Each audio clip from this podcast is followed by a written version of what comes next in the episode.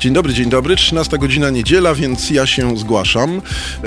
E, będziemy dzisiaj rozmawiali o etycznych e, mm, podstawach e, rozważań naszych, czy iść do wyborów, czy nie, z profesorem Pawłem Łukowem z Uniwersytetu Warszawskiego Etykiem. Za chwilę wracamy do rozmowy.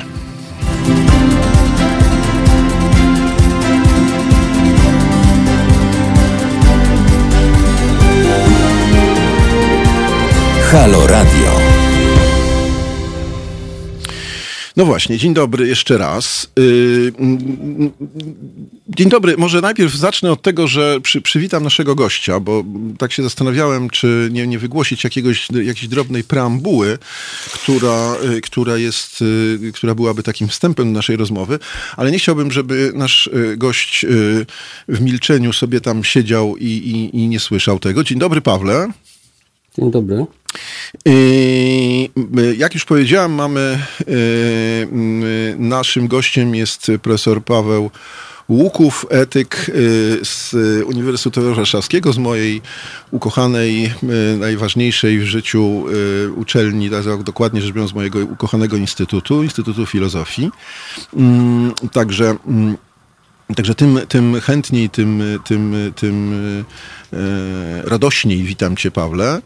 E, mówię do Ciebie, Pawle, po imieniu. Mam nadzieję, że się nie obrazisz, ale znamy się też parę lat. I ja w... Chyba nie dzisiaj.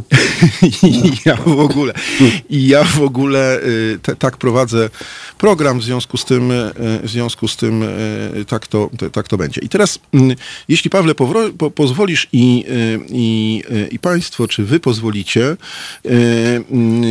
powiem e, taką jakąś, nie wiem, powiedziałbym preambułę, która może was wkurzyć, e, mówiąc najprościej, bo rozmawiając e, z Iwo przed chwilą, usłyszałem od niego taką, taką informację, że, że, że, że się starł z wami na temat, na temat tej, strategii, czy taktyki raczej już w tej chwili, nie strategii, to dotyczącej wyborów. Mm, a ja się zgadzam z Iwo i dlatego pewnie się znowu na mnie, e, e, na mnie wyzłośliwicie. Zobaczymy, co powie e, pan profesor. E, otóż e, wszystkich witam i Julka, i e, Magwyspę, i wszystkich, którzy mnie witają, i pana profesora również, także Mirgo, wszystkich naszych stałych, wspaniałych słuchaczy. Dzień dobry, Kasiu, z dalekiej, znaczy nie tak dalekiej Irlandii. I ja powiem w ten sposób. Ja mam takie wrażenie, y, sam w tym uczestniczę od jakiegoś czasu, że myśmy się rozdyskutowali y, na temat y, tego, czy wybory są słuszne, czy niesłuszne, czy powinny być, czy nie, czy są moralne, czy niemoralne, czy uczciwe, czy nieuczciwe, czy w ogóle są wyborami, od tego trzeba zacząć z definicji i tak dalej, i tak dalej. Sam wam mówiłem wielokrotnie, napisałem to u siebie na Facebooku, że wybory należy traktować jako proces tego procesu nie ma. To, co się zdarzy być, być może 10 maja no, wszystko na to wskazuje, e, to będzie co najwyżej dzień głosowania, czyli jeden z elementów wyborów, no, być może najbardziej spektakularny, być może najistotniejszy, być może dramaturgicznie jest to zwieńczenie e, wyborów, ale jest to jednak mimo wszystko tylko i wyłącznie fragment wyborów. Jest to tak, jakby na to nie patrzeć, tylko, no to jest troszeczkę tak, tutaj używałem już którejś audycji, bodajże z profesorem Markowskim, mówiłem o tym, że no to jest troszeczkę tak, jakby sądzić, to przynajmniej kibice piłkarscy będą to rozumieli, sądzić po samym wyniku e, cały mecz. E, wiecie doskonale, że można oglądać mecz e, nawet znając wynik, e, bo wtedy możemy popatrzeć spokojnie, albo odwrotnie, możemy nie znać wyniku, tylko, albo nieistotny jest dla nas wynik, tylko istotne jest to, żeby popatrzeć, jak ta gra wyglądała. I tej gry po prostu tu nie ma. E, tej gry tu po prostu nie ma i żadne zaklęcia, zaklęcia w tym, e, wydaje mi się, tutaj nie, nie, nie, nie przeszkodzą. Mamy argumenty organizacyjne, mamy argumenty prawne, mamy oczywiście przede wszystkim argumenty e, związane z instynktem samozachowawczym, czyli ze zdrowiem.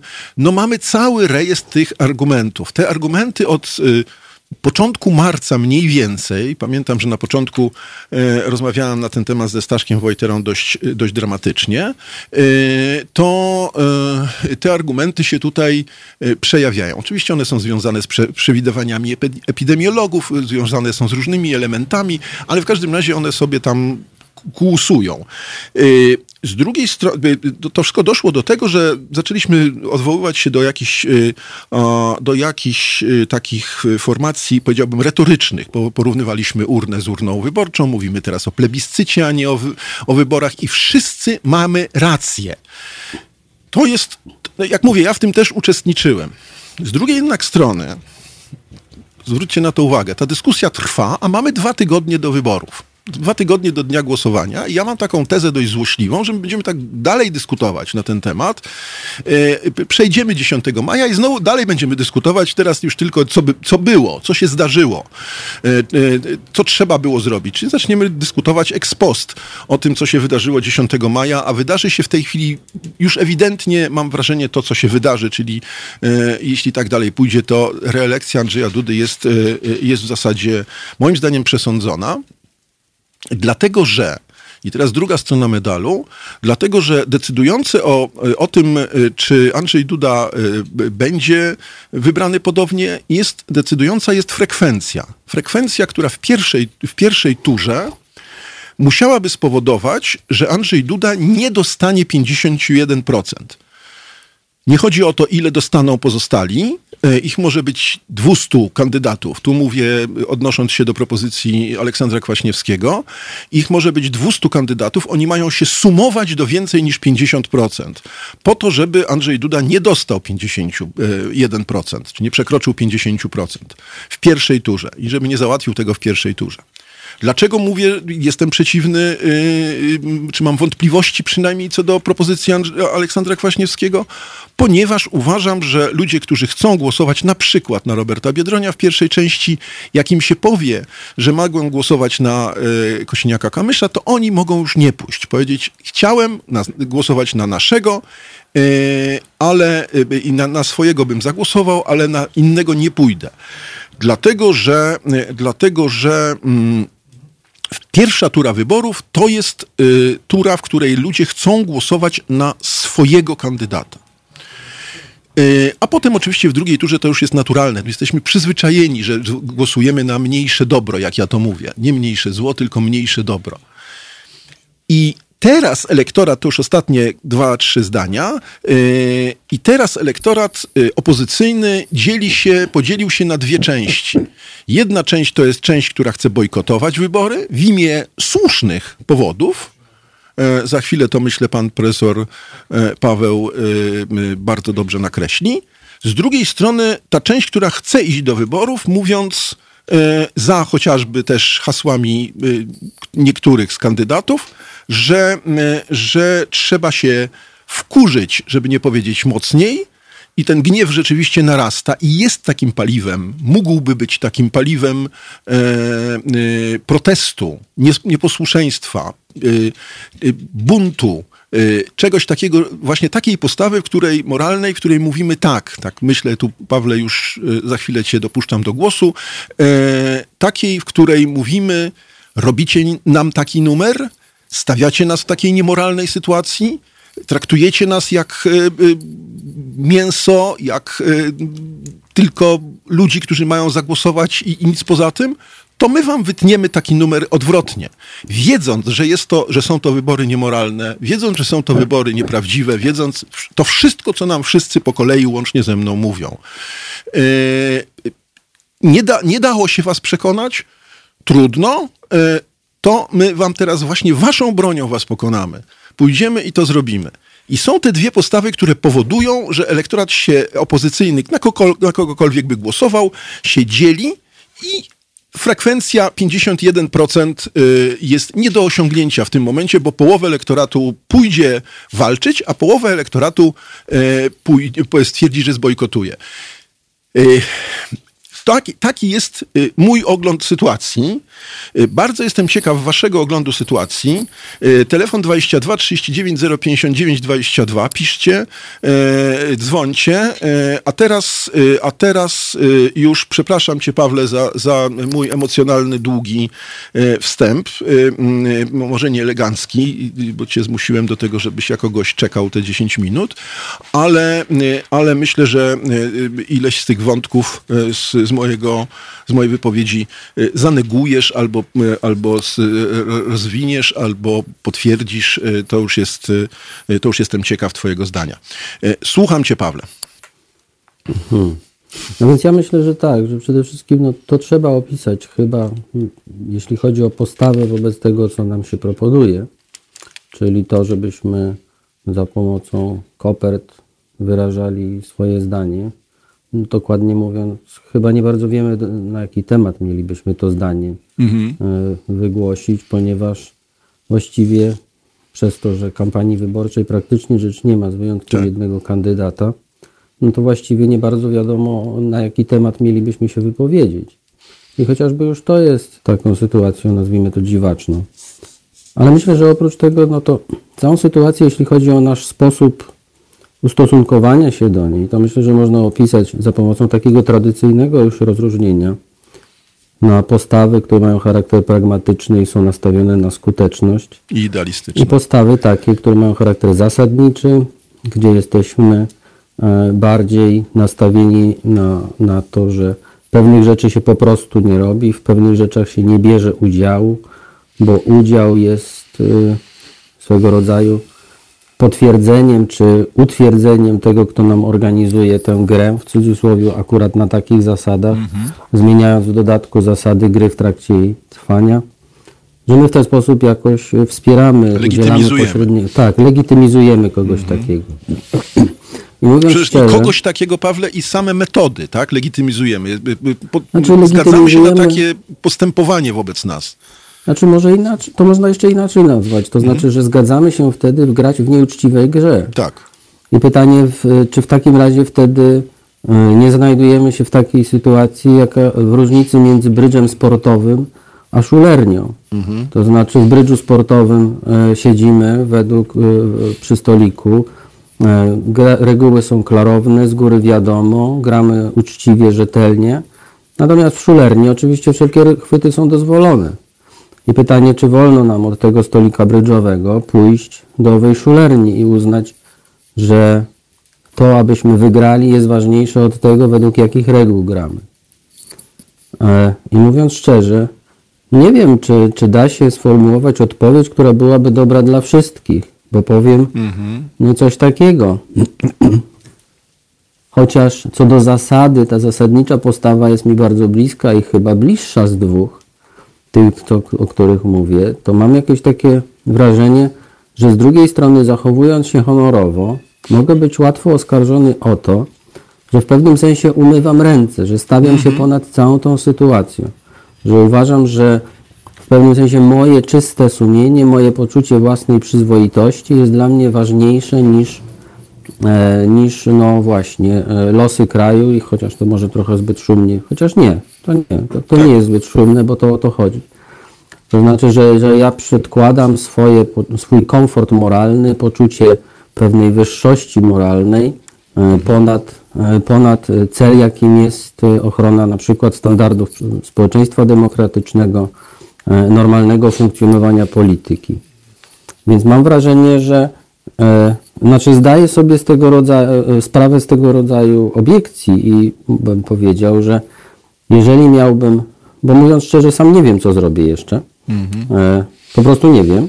E, cały czas się biję z myślami, ale mam takie wrażenie, że jeśli bym wybrał tego rodzaju postawę e, i powiedziałbym, nie gram znaczonymi kartami, bo i tak wiem, że nie wygram, a mogę się ubrudzić, to jednak myślę, że jeśli bym taką podjął decyzję, to musiałbym wtedy jednak być świadomy tego, tych, tych możliwych obiekcji, zarzutów, że właśnie tak, a nie inaczej się zachowałem i, i przypisuję sobie jakąś po- pozorną lub rzeczywistą moralną wyższość. Natomiast myślę też, że są niesłychanie ważne argumenty, dosyć proste, mianowicie takie, że polityka jest sferą skuteczności. To znaczy, ktoś, kto nie jest skuteczny w polityce, po prostu się do niej nie nadaje. Albo inaczej, może jeszcze inaczej trzeba powiedzieć. W dzisiejszych czasach właściwie to nie jest tak, że ktoś się może, może sobie pozwolić na to, żeby się nie nadawać do niej. To znaczy, mam wrażenie, że, że, że polityczność i zagadnienia polityczne, bieżące sprawy dopadają nas wszystkich w takim stopniu, no teraz mamy tego chyba mm, naj, najlepszą ilustrację, kiedy to, że siedzimy w domu i tak dalej, e, i to, w jaki sposób nas się w tym czasie traktuje, no na przykład, nie wiem, kwestie związane z prywatnością, e, swobodami poruszania się po ulicy i tak dalej, one wszystkie mają wymiar polityczny, czy nam się to podoba, czy nie, oprócz tego, że mają charakter zdrowotny, epidemiologiczny i tak dalej.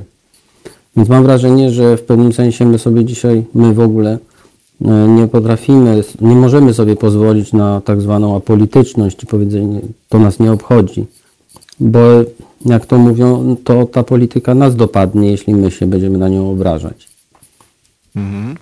Pawle, y, ja mam takie skojarzenie z tym, co mówisz, z, z dawnymi czasami, tak jak już mówiłem ci, y, y, jak rozmawialiśmy przez telefon z moim um, ulubionym całego naszego roku, ulubionym nauczycielem, nauczycielem akademickim świętej pamięci Miszą, czyli Jurkiem Niecikowskim, którego będę zawsze wspominał i który kiedyś na zajęciach z filozofii nowożytnej mówił, mówiąc o Heglu, opowiadał nam o figurze pięknoducha. Czy myślisz, że ta figura u Hegla, która pamiętam, że mnie nieco zaskoczyła, bo myślałem sobie o Heglu w, w, takich kontekst, w takim kontekście idealistycznym właśnie. Natomiast tu mi się wydawało to wtedy dość dziwne, dość zaskakujące nawet. Hegel w, w, proponuje taki, ty, taki, takie myślenie, że oto pięknoduch to jest ktoś taki, jak mówisz, czysty, który może sobie trochę emigrujący wewnętrznie, jak to się mówiło jeszcze za czasów komuny. Taki, który mówi, nie dotykam się do tego, bo to brudne, bo polityka jest brudna, bo wszystko to jest brudne, nie dotykam się do tego i tak jak mówisz, traci, czy tak jak Hegel mówi, traci wpływ na rzeczywistość. Być może ważniejsi, skuteczniejsi są ci, którzy, którzy trudno, jest taka sytuacja, jaka jest, jestem do niej zmuszony i w tej sytuacji próbuję coś robić, próbuję uczestnicząc w tej brzydkiej, tam, brzydkiej to słowo w ogóle marne, obrzydliwej grze, szczególnie obrzydliwej teraz, bo jak polityka do tej pory zawsze była przez nas definiowana jako brzydka i obrzydliwa, to teraz jest obrzydliwa do entej potęgi. To trzeba sobie jeszcze, jeszcze to rozróżnić, myślę, bo to już jest jakieś apogeum obrzydliwości polityki, z którą mamy do czynienia, parcianej logiki i, i wszystkich pozostałych tutaj elementów, którym się pewnie Herbert by zgodził, to, to jednak no, to troszeczkę jak z maseczkami, tak sobie myślę. No, mogę mieć różne zdanie na ten temat, ale muszę chodzić, bo inaczej dostanę 30 tysięcy kary. Tak No, jak no. powiedziałaś, polityka mnie dopada. To, to, to tak jak ty... Ale, Mhm. ale ja myślę, że, że Hegel miał łatwo, ponieważ Mhm. różnica między dzisiejszym pie- No tak. pięknoduchem, a tym, o którym mówi e, Hegel, no bo powiedzmy inaczej, to co się teraz dzieje, to nawet Hegel by nie wpadł na to, że coś takiego może się zdarzyć. Aha. To znaczy niezależnie od tego, y, y, to, są, to się nie mieści w głowie, mówiąc Tak. pro, po prostu. Tak ja to mówię zawsze, że Hegel to, miał- to... Przepraszam cię, ja zawsze mówię tak cytując Camus, że to jest zbyt... Kiedy Camus mówił tam, że e, ludzie w Oranie myśleli sobie kategoriami, to zbyt głupie, żeby było możliwe. Ta, ta, ta, ta, taki No mniej sposób. więcej, tak, Mhm. tak. To są rzeczy, które po prostu są niewiarygodne Tak. i my przez to, że posługujemy się jakimiś regułami tego, co wiarygodne, a tego, co nie, to pewnych scenariuszy po prostu nie rozpatrujemy i Tak. potem nie jesteśmy na nie przygotowani. No bo rzeczywiście mało kto powinien rozpatrywać scenariusz taki, że jeżeli wejdzie do budynku, powiedzmy, Kościoła Świętego Krzyża, to zwali się na niego sklepienie. To się może zdarzyć. Ale rozsądny człowiek nie bierze pod uwagę takiej możliwości, bo ona jest tak znikoma, jest prawdopodobieństwo. A tutaj mamy dzisiaj do czynienia z sytuacją właśnie taką, w której tego rodzaju to, co, coś takiego się zdarza. To znaczy coś, co wiemy, że może się zdarzyć, ale trudno jest uwierzyć, że mogłoby się zdarzyć e, e, w tak, z tak dużym prawdopodobieństwem, że warto się na to przygotować. Więc jesteśmy nieprzygotowani i jesteśmy bezradni. I teraz wrócę do tego piękno ducha. Otóż mam wrażenie, że to jest ta fundamentalna różnica między pięknoduchem e, Heglowskim. heglowskim, a dzisiejszymi nami, niektórymi z nas, którzy są takimi pięknoduchami. Otóż heglowski pięknoduch mógł wybrać, czy będzie pięknoduchem, czy nie. My nie mamy takiego wyboru w pewnym sensie. To znaczy, myślę, że różnica polega na tym, że ten pięknoduch heglowski to jest taka figura, to jest taki osobnik, który mógł wybrać zachowanie się w sposób skuteczny, nawet jeśli sądził, że szanse na zwycięstwo są niewielkie. Ale miał taką możliwość. Natomiast my dzisiaj właśnie w sytuacji takiej, kiedy obawa przed, o, o własne zdrowie, obawa o zdrowie innych, poczucie odpowiedzialności, między innymi dlatego się nie powinniśmy kontaktować z innymi specjalnie, żeby właśnie, właśnie ze względu na odpowiedzialność za nich, te wszystkie rzeczy powodują, że my nie dysponujemy normalnymi metodami e, Reakcji. działania i reakcji. No, tutaj piękną ilustracją e, jest e, to, co się zdarzyło ostatnio w związku e, z przedstawieniem w Sejmie kolejnej, po raz kolejny propozycji e, zaostrzenia przepisów dotyczących przerywania ciąży. I jak popatrzymy na kobiety, które chciały za, za, za protestować, to przecież nie mogły zrobić tego, co zrobiły kilka lat temu, kiedy wyszły na ulicę Tak. e, i pokazały, e, e, powiedzmy delikatnie, siłę. Teraz tę siłę widzimy. Ja na przykład wczoraj na spacerze widziałem tę siłę w oknach poprzez naklejki w oknach, w niektórych samochodach, ale głównie w mieszkaniach. Ale to jest jedyne, co można zrobić. I oczywiście podejrzewam, że adresat tego rodzaju komunikatu tym razem będzie się śmiał w kułak, a może nawet nie, będzie się śmiał otwarcie e, z takiego protestu, proteści, proteściku. E, będzie miał powód do tego, żeby, żeby się naigrawać. Więc ja sądzę, że e, Hegel po prostu nie przewidział tego, z czym, z czym mamy do czynienia dziś i nie mógł, bo jak mówię, rozsądni ludzie takich rzeczy nie przewidują. Teraz prawdopodobnie już będą musieli, bo, bo, bo musimy się uczyć na, na doświadczeniach. Więc ja sądzę, że, że na tym polega zasadniczy problem, że mówienie e, temu pięknoduchowi czy temu zwolennikowi tej postawy zasadniczej, że jak gdyby umywa ręce bądź e, rezygnuje e, z działania, e, może być odparte po prostu argumentem, ależ co ja mogę zrobić oprócz tego aktu strzelistego, jakim będzie pokazanie mojej postawy. E, Za, za, zamanifestowanie, co ja w tej sprawie myślę, bo to jest jedyna rzecz, którą mogę zrobić, bądź powie nasz pięknoduch, to jest jedyna rzecz, którą przyzwoity człowiek może zrobić i powinien zrobić.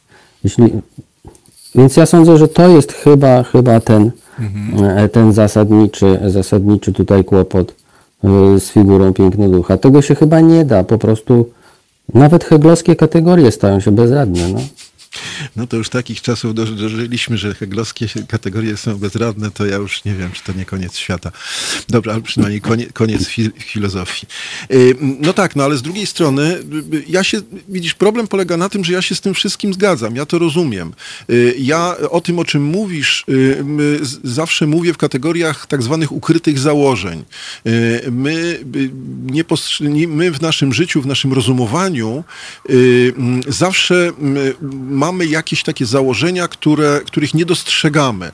Y, Czynimy je, y, no, że się tak robi, tak? Jesteśmy tak przekonani z doświadczenia czy z przekonania, że się tak robi, albo że się tak nie robi, y, że do głowy nam nie przyjdzie, że cokolwiek może się zdarzyć. I to nawet, nie, nawet oczywiście twój przykład z, ze sklepieniem Kościoła Świętego Krzyża jest bardzo spektakularny, ale z historii ja zawsze lubię się powoływać na historię profesury krakowskiej, zaproszonej, jak wszyscy wiecie, na wykład przez hitlerowców we wrześniu 1939 roku.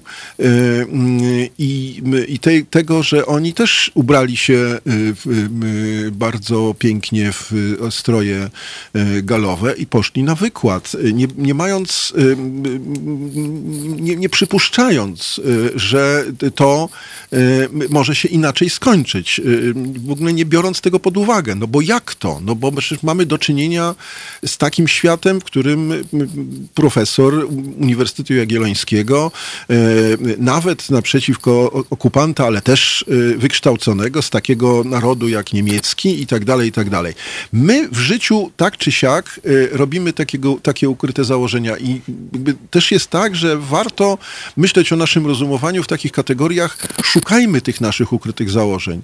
Miejmy takie przyzwyczajenie pewnej podejrzliwości filozoficznej, bym powiedział, takiej, której e, zawsze do niej zachęcam. E, jeśli coś twierdzimy, to zadajmy sobie jednak e, takie pytanie, które może być uważane za dziwaczne, a, je, a jeśli nie?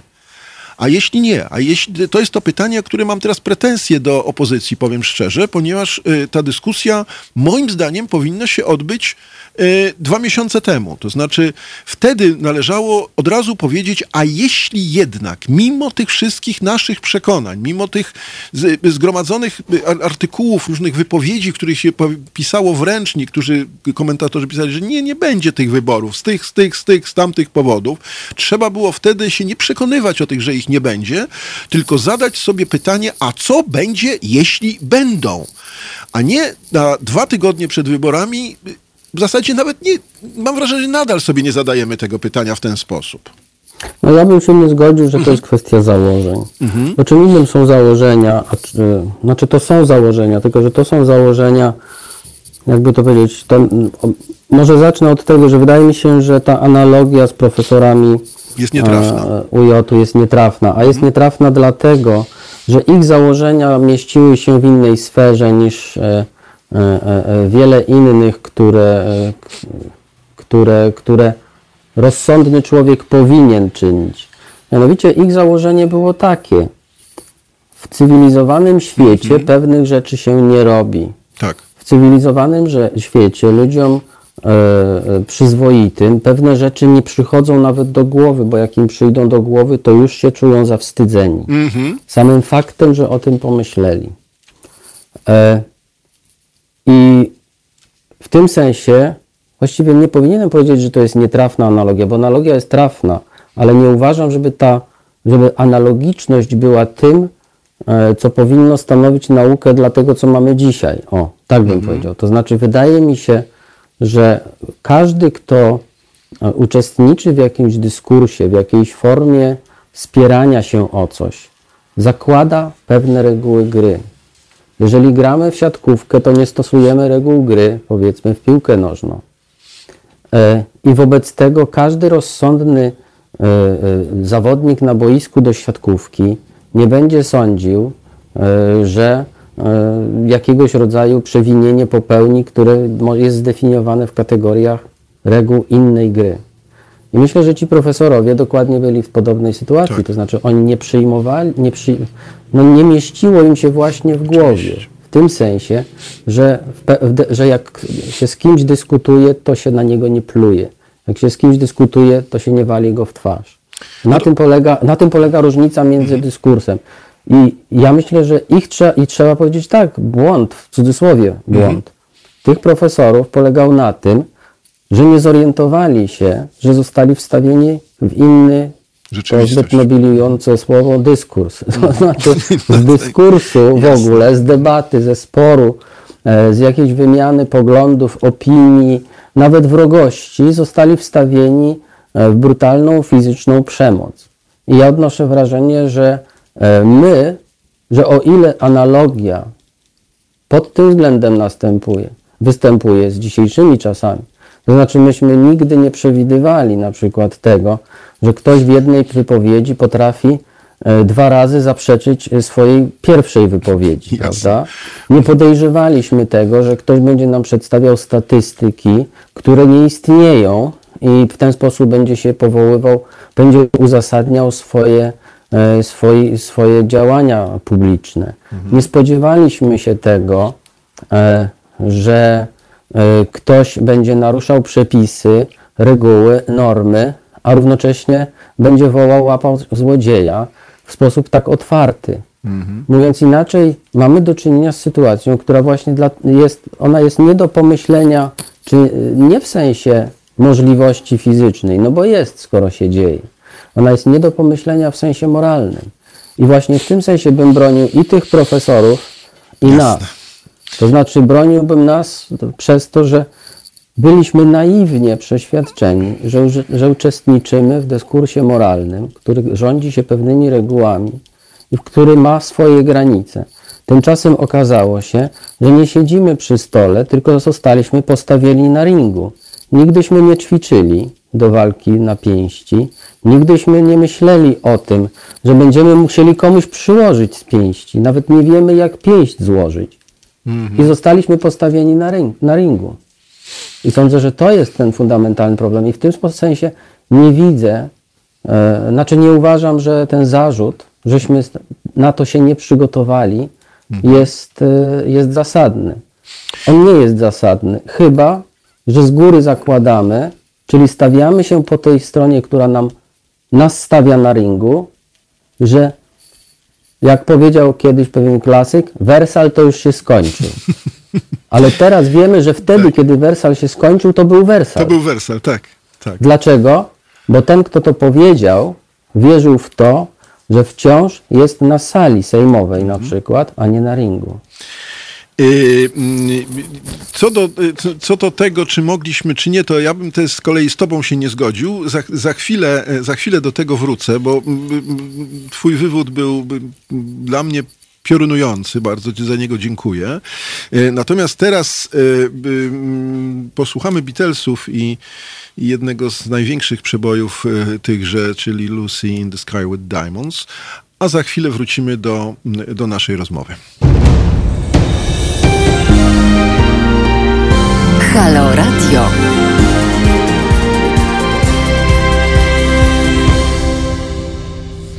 No i wracamy do naszej rozmowy. Wracamy do naszej rozmowy. E, zanim e, porozmawiam e, z Pawłem, to po pierwsze chciałbym zacytować Mirgo, że to, to, to, jest chyba jednak zarzut, Pawle, do nas. To znaczy, że Mirgo mówi, że, że to jest dyskusja akademicka, a tu ojczyzna gore. Zaraz się do tego ustosunkuję, bo to no, coś w tym jest, ale też bym się chciało przed tym obronić trochę. To jest jedna rzecz, ale też przypominam wam, że telefony są do, naszej, do waszej dyspozycji. Bardzo liczyłem, że będziecie dzwonić, bo to jest taki temat, który, który, przecież, który przecież jest teraz tematem, wydaje się, bardzo takim, takiej, takiej ożywionej dyskusji. Iwo, który prowadził program przede mną, mówił mi, że, że się wywiązała tutaj wielka dyskusja na ten temat. W związku z tym myślałem, że może jakieś przedłużenie tej dyskusji będzie, także dzwońcie i włączcie się do naszej dyskusji, nawet do, gdybyście ją definiowali jako akademicką. Mm, e, zachęcam, piszcie, e, piszcie, mm, będziemy próbowali jakoś do tego się odnosić, oczywiście. Natomiast e, bardzo mi się podobało tutaj chyba Marka pomysł wystawienia wesela i tego, że chcesz, chcesz mnie Marku obsadzić w roli poety. Mm, to, to, to, to dużo mówi. E, to jest jakaś informacja dla mnie. Pamiętajcie również e, o tym, że możemy w ogóle rozmawiać tylko dzięki wam, czyli ty, dlatego, że no, po prostu mówiąc brutalnie utrzymujecie, utrzymujecie radio, Halo Radio i liczymy liczymy na to, że liczymy na to, że będziecie mogli dalej e, to robić. E, ja ciągle podkreślam, że oczywiście warunki w tej chwili finansowe nie są najłatwiejsze i, i wszyscy mamy trochę duszę na ramieniu, jak to będzie z, z rozwojem ekonomicznym, mm, ale, mm, no, ale jeśli znajdziecie jakieś pieniądze, które, które uznacie, że możecie dać na to, żeby takie radio jak nasze istniało, to bardzo o to prosimy. Mm, I teraz wrócę, aha, i teraz powiem tak, nie wiem co ty na to powiesz, Pawle, ale ja bym się chciał trochę obronić przed tym, przed tym zarzutem, czy przed tą uwagą, że, że, że to jest dyskusja akademicka. Ona w jakimś stopniu jest akademicka. Ja też.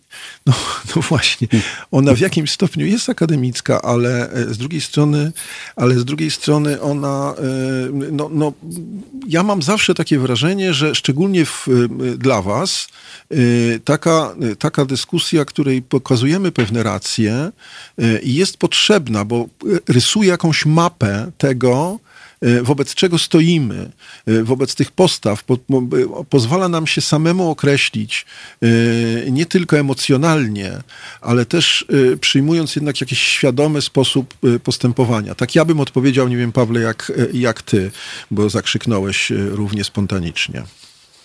Mm. Ja nie mam problemu z tym, że to jest dyskusja akademicka. Mhm. Miałbym tylko problem z tym, że się uważa, że w takim razie jest zbędna. A, to znaczy, no. wydaje mi się, że zanim spróbujemy rzeczywiście gasić pożar, mm-hmm. to dobrze, żebyśmy się zorientowali, jakie no jest właśnie. natury. Na przykład, czy spowodowany elektrycznym, spięciem elektrycznym, e, podpaleniem e, siana, czy czegoś takiego. Bo w zależności od tego, z czym mamy do czynienia, to czy w inny sposób będziemy go gasić. Mm-hmm. Więc sądzę, że takie dyskusje, one są akademickie, one powinny być akademickie. Może wręcz y, należałoby powiedzieć, może właśnie częściowo dlatego znaleźliśmy się w takim miejscu, że nie prowadziliśmy takich dyskusji. Żeśmy wcześniej nie mieli wystarczająco dużego zainteresowania akademików w dyskusję publiczną. Mieliśmy kilka osób, kilkanaście wyróżnionych, znanych, które, y, y, które funkcjonują w sferze publicznej, próbując przedstawiać, e, przedstawiać swoje racje. Ale w momencie, ale, ale myślę, że może dlatego, że są one nieliczne i mniej więcej wciąż te same, to może dlatego e, bardzo łatwo jest je zaatakować mhm. E, w ten sposób, że się powie, że to są oszołomy, które prezentują niszowy pogląd. Tak. E, więc może właśnie na tym polega częściowy problem, że traktujemy dyskusje akademickie jako pewien luksus. Tymczasem żyjemy w świecie tak złożonym, tak skomplikowanym, że na luksus nieakademickości nie bardzo możemy sobie pozwolić. Na przykład na luksus nieakademickości pozwala sobie Donald Trump. E, niedawno mówiąc, proponując projekt badania klinicznego, w którym miałby wykorzystać e, środki do dezynfekcji jako lek przeciwko e, koronawirusowi. No właśnie to jest ten ktoś, kto mówi, akademicy są mi niepotrzebni. Facet, który nie ma kompletnie pojęcia w ogóle o, o, o badaniach klinicznych, w ogóle o biologii prawdopodobnie, może o pewnym fragmencie, biorąc pod uwagę niektóre jego e, wypowiedzi i to, co mu się zarzuca, wypowiada się i on wie, co trzeba zrobić. No właśnie to jest taki przykład. Więc ja bym raczej e, nie dlatego, żebym e, koniecznie bronił swojego, swojego że tak powiem, terytorium mhm. i statusu, mhm. choć powiem szczerze, nie widzę powodu, dlaczego nie bronić, tego tak. nie robić. Jasne. Ale, ale główny powód jest taki, po prostu świat jest zbyt skomplikowany, żeby sobie pozwolić na kierowanie się naszymi, jak mówią anglosasi, gut feelings, naszymi mm. uczuciami, y, y, emocjami nieprzemyślanymi. Tak. Myślę, że właśnie dlatego mamy tę rozmowę na ten temat, co mamy robić w związku z tą ofertą nie do odrzucenia, jaką jest, są wybory 10 maja. Po to rozmawiamy na ten temat, żeby właśnie zrozumieć, i, i, z czym mamy w ogóle do czynienia, zdiagnozować chociażby problem. To już może być spory, spory sukces. Się cieszę, bo się chyba w 100% zgadzamy i właśnie też mówię o tym, że rysujmy jakąś mapę. Popatrzmy, popatrzmy o co chodzi, w ty, jaki, jakich, pośród jakich wartości wybieramy, yy, po to, żeby dokonywać ich świadomie, e, a nie emocjonalnie, tak jak powiedziałem i to potwierdziłeś. Yy, tu Marcin napisał, że dobra dyskusja pozwala na uporządkowanie własnych przekonań co do uczestnictwa bądź nie w wyborach i wydaje mi się, że to jest, że to jest dobre spuentowanie tego, co, co obaj powiedzieli Y, rysowanie mapy przez intelektualistów nie jest złe, ale cały czas brzmi jakby komentował wydarzenia za szyby. Y, mm, no, ty, tak, bo tu, znaczy, to, to jest też tak, że mm, no, my za, znaczy, nie wiem, czy ja się mogę tu podpisać, ale w każdym razie intelektualiści y, mogą mówić. Nawet taka jest rola intelektualistów. Ja pamiętam, znowu się odwołam do Dżumy Alberta Camus, to jednej z moich ulubionych lektur, y, y, która mi otworzyła oczy na bardzo wiele y, y, problemów. Jeden z moich studentów kiedyś zadał mi pytanie a propos Dżumy właśnie, y, a jaka jest rola intelektualistów? Właśnie w Dżumie. Y, I jak sobie przypomnicie Dżumę, y, to y, dr Rie na początku, jak chodził i mówił, że to być może jest Dżuma, to wszyscy na niego patrzyli tak, jak Pawle powiedziałeś, że to jest oszołom, że to troszeczkę, ja to zawsze mam takie porównanie, może łatwiejsze do Szczęk, do wiekopomnego filmu mhm. pod tytułem Szczęki, w którym szeryf Brody też chodzi i mówi, że to jest, że to jest rekin, ludojad. I, I też wszyscy na niego patrzą Y, y, podejrzliwie i też wszyscy mówią, że ekonomia jest ważniejsza i miasteczko Amity, o ile dobrze pamiętam e, e, nazwę, y, ucierpi na tym, jeśli powiemy, że to jest, że to jest ów ludojad. I ja zawsze też mówię tak, że być, ja bym chciał jako intelektualista wyjść na idiotę. Ja bardzo chcę wyjść na idiotę, ale do mnie należy, jako do intelektualisty, jeśli mogę się podpisać, ta rola takiego kogoś, kto ma po to ma takie przygotowanie, żeby przewidzieć i na podstawie historii, na podstawie umiejętności rozumowania, co się może wydarzyć. Y, może pokazać coś, na, to nie jest y, deprecjonujące dla innych, ale może pokazać jakieś takie prawidłowości, których inni nie dostrzegają. Ostrzec, powiedzieć, do czego to prowadzi Y, niektórzy, inni mogą nie widzieć tych analogii. Jak mówię, to nie jest do nich uwaga, mają prawo, zajmują się czymś innym. Y, ja ich będę słuchał w tej innej dziedzinie. Nie będę się wypowiadał na temat konstrukcji domu albo, y, nie wiem, uprawy rzepaku. Natomiast, natomiast w mojej dziedzinie ja im pokazuję, co będzie co, do czego to prowadzi. I to jest y, rzecz istotna, ale też trzeba powiedzieć, nie wiem, czy się ze mną zgodzisz, Pawle, że to nie intelektualiści pójdą głosować. To znaczy, to nie jest tak, że to my teraz pójdziemy głosować, tylko to jest tak, że my możemy wam pokazać taką mapę, jak ja to mówię właśnie, i teraz wy musicie się zastanowić, co z tym zrobić. Dlatego ja utyskuję, że ta mapa powinna być nakreślona dwa miesiące temu albo miesiąc. I teraz wrócę do tego, co Pawle powiedziałeś, że y, w tym znakomitym zresztą, y, moim zdaniem, Y, odniesieniu do tym, że myśleliśmy, że siedzimy przy stole i gramy w karty, a okazało się, że, że jesteśmy postawieni na ringu.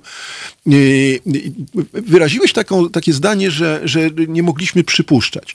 I tu bym się z tobą jednak nie zgodził, dlatego że nie mogliśmy przypuszczać w 2016 roku może jeszcze. Ja sam byłem, i nie tylko ja zresztą, pełen różnych tam wypieków na twarzy, miałem wypieki na twarzy, kiedyś mówiło, że prezydent Duda tu się postawi, a może zaprotestuje, a może zdobędzie się na nie, nie, niezależność, a może to. Przecież pamiętamy wszyscy, ile takich spekulacji było, że może się y, y, doprowadzi do jakiegoś porządku i tak dalej, i tak dalej to, że jesteśmy na ringu, my, Pawle, jednak mam wrażenie, wiemy od 3-4 lat. Dobrze, załóżmy, że pierwsze dwa lata mogliśmy mieć wątpliwości, ale y, po Trybunale Konstytucyjnym, po y, y, kształcie mediów i tak dalej, i tak dalej, mogliśmy o tym wiedzieć już dawno. Przewidywania dotyczące tego, że wybory być może będą fałszowane albo cokolwiek innego, były również, były już formułowane wcześniej. Także, mm, y, y, także tu bym się z tobą nie zgodził. Mam, mam wrażenie, że, że mieliśmy prawo czy obowiązek wiedzieć o tym, że, y, mm, że to będzie, że jesteśmy na ringu dzisiaj w stopniu już zupełnie pewnym, bym powiedział. E, to za, tak, zacznę od, jeszcze tylko krótko, mhm. powiem o tych, o tych, o tych akademikach. Aha. To znaczy przede wszystkim nie przesadzałbym z tym, jaką oni mają szczególną rolę. W tym sensie, że uważałbym, że po prostu ich y, głos, ich wypowiedzi powinny być po prostu wysłuchane i są ważne, tak samo jak y, wypowiedzi ludzi, którzy nie należą do tego grona. Tutaj ta metafora oglądania świata za szybą, to przez szybę jest, jest, jest pomocna. To nie jest tak, że to, że to, nie, jest, to nie musi być krytyka. To znaczy czasami rzeczywiście wgląd przez tych, którzy e, są, o, że tak powiem, w ogniu walki, e, jest źródłem ogromnej wiedzy, e, ale czasami ona nie wystarczy i czasami ogląd tego, kto widzi tą samą walkę tylko z zewnątrz, może pomóc e, temu walczącemu odnieść zwycięstwo. Po to na przykład trenerzy krzyczą, e, wykrzykują różne hasła e, zawodnikom na boisku. Jasne. Wspomagają ich, dlatego właśnie, że widzą z innej strony to I widzą samo całość. mają pewien inny ogląd. E, Niekoniecznie całość, czasem to może być fragmentaryczność, ale chodzi o to, że e, ten fragment może być takim, który niekoniecznie jest widoczny dla nas wszystkich. I myślę, że również w drugą stronę. Jak zawodnik z boiska powie, e, wytłumaczy, czy krzyknie trenerowi, dlaczego nie może zrobić czegoś, czego tam oczeku, tamten oczekuje, to tamten zmieni swoje oczekiwania, jeśli to doceni, bo z jego perspektywy tam z linii boiska tego może nie być widać. Więc raczej bym traktował to jako komplementarne ujęcia i w ramach tych komplementarnych ujęć mam poczucie, że intelektualiści w Polsce za mało po prostu się odzywali mając poczucie, że, się nie ben, że będą wykraczać, jak sądzę, w dużej mierze poza granice wyznaczone ich roli społecznej. Natomiast co do, e, co do tego, e, to Twojej niezgody z tym, że, że mogliśmy przewidzieć. Tak szczerze, to jest taka mądrość po fakcie. Po fakcie każdy jest mądry, że można było. E, Myślę, że są dwa problemy. Pierwszy jest taki, co jakiś czas rzeczywiście pojawiają się różne głosy ostrzegające przed tym, przed tamtym. Rzecz tylko w tym, że tych głosów ostrzegających jest bardzo wiele i przed, przed, przed bardzo wieloma rzeczami.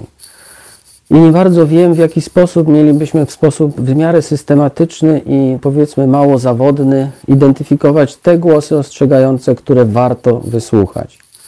Bo rzeczywistość jest taka, że ich jest sporo i po fakcie potem się okazuje, e, że, niektórzy, że niektórych należało posłuchać, tylko my to wiemy, tylko których to wiemy już właśnie wtedy, kiedy ich, e, e, ich Ostrzeżenia się sprawdzą. się sprawdziły. E, A co do tego, że mogliśmy widzieć, zgadzam się z Tobą, że rzeczywiście także wiele rzeczy mogliśmy widzieć, to znaczy widzieliśmy wiele rzeczy, ale myślę, że nie doceniasz tego, że po pierwsze e, obserwowaliśmy eskalację stopniową, to znaczy to po każdym kroku, który wydawał się wcześniej nie do pomyślenia, następowały drobne kroczki, a potem bum, coś wielkiego.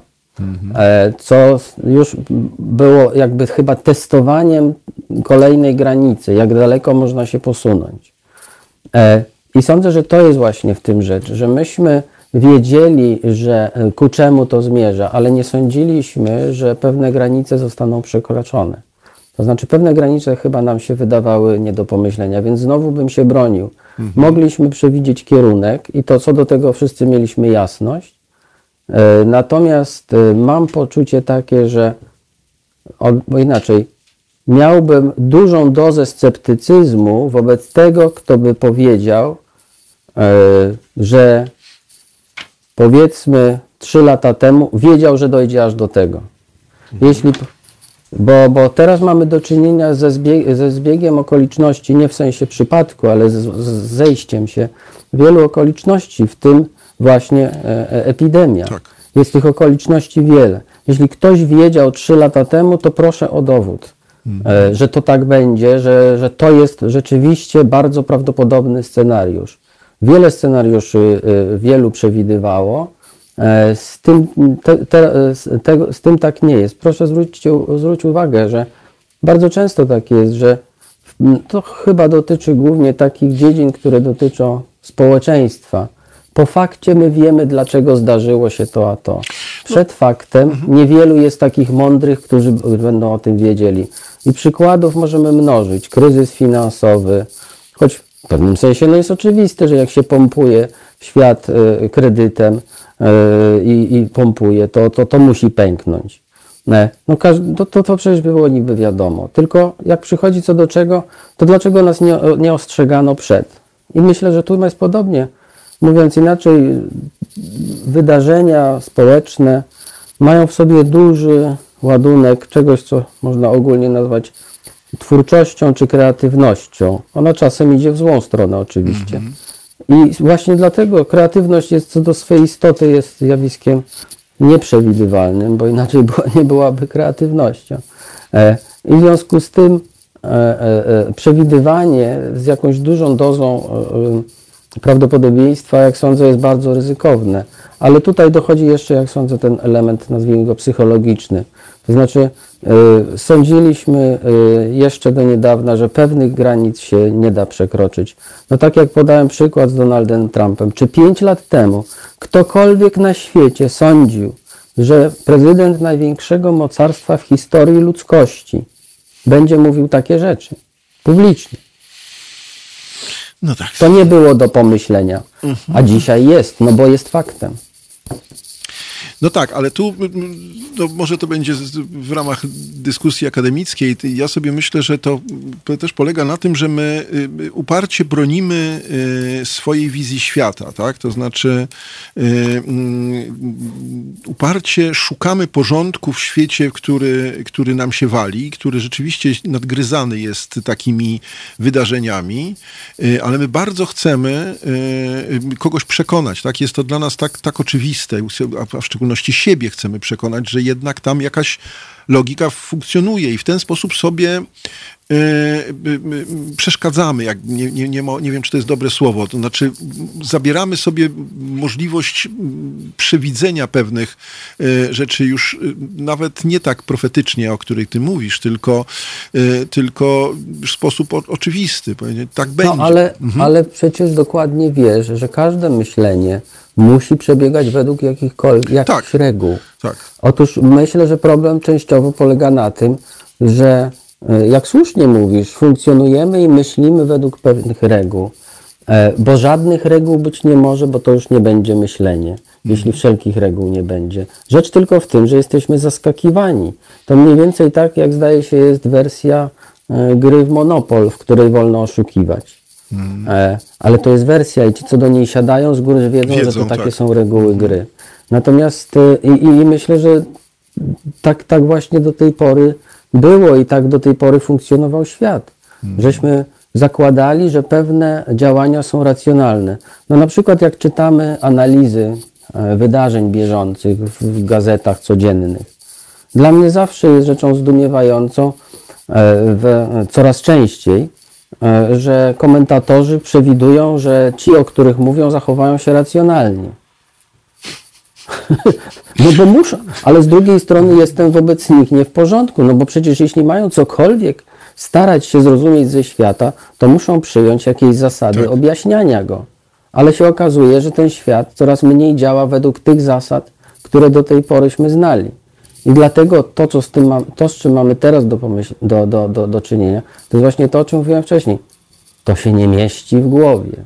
To znaczy nie mieściło się, a teraz będzie musiało się zmieścić, tylko nie wiadomo co konkretnie, bo chaos nie jest czymś, co da się opisać. No dobrze, ale to znowu będę jednak troszeczkę się da, dalej z tobą wspierał, y, choćby dla przyjemności spierania się z tobą. E, mianowicie, mm, e, powiem tak, no, jeżeli zrobimy jakieś założenie, to znaczy takie założenie, które mówi, które jest dość oczywiste, że, y, y, że y, rząd, że partia, która y, rządzi nami, to aż mi to trudno zdaje się przez gardło przechodzi, y, mm, chce doprowadzić do reelekcji, to, y, to ten cel daje nam jakiś, y, jakiś porządek naszego myślenia, tak? To znaczy da, daje nam cel, który, y, który, który musi mam, nam pokazać pewną logikę, czy może nam pokazać pewną logikę dochodzenia w takich, a nie innych warunkach, tak?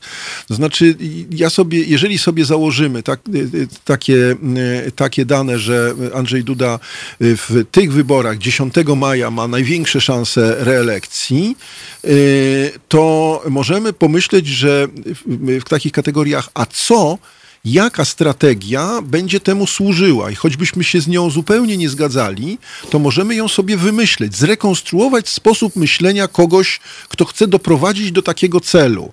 Choćby nie wiem, jak przeczyło to naszym właśnie tym stwierdzeniom, o których obaj mówimy, że to Nie zbyt... zgadzam się, nie zgadzam się. To tak nie działa. Aha. To tak nie działa. To znaczy, już tyle razy byliśmy zaskoczeni. E, zwróć uwagę, e, ktoś mówi jedną rzecz, za dwa dni mówi coś absolutnie przeciwnego i nie ma z tym żadnego problemu. Problemu, tak. Wszelka logika wobec tego zawodzi, ponieważ w rzeczywistości nie mamy tu do czynienia z logiką, nie mamy tu do czynienia z myśleniem. Boję się to powiedzieć, ale chyba tak jest. Mamy do czynienia po prostu z nagą przemocą. No dobrze, zostawmy ten, y, y, ten, ten wygłos i oddajmy, oddajmy głos teraz y, kolejnemu mojemu ulubionemu zespołowi. Mm, Tym razem będzie to Genesis.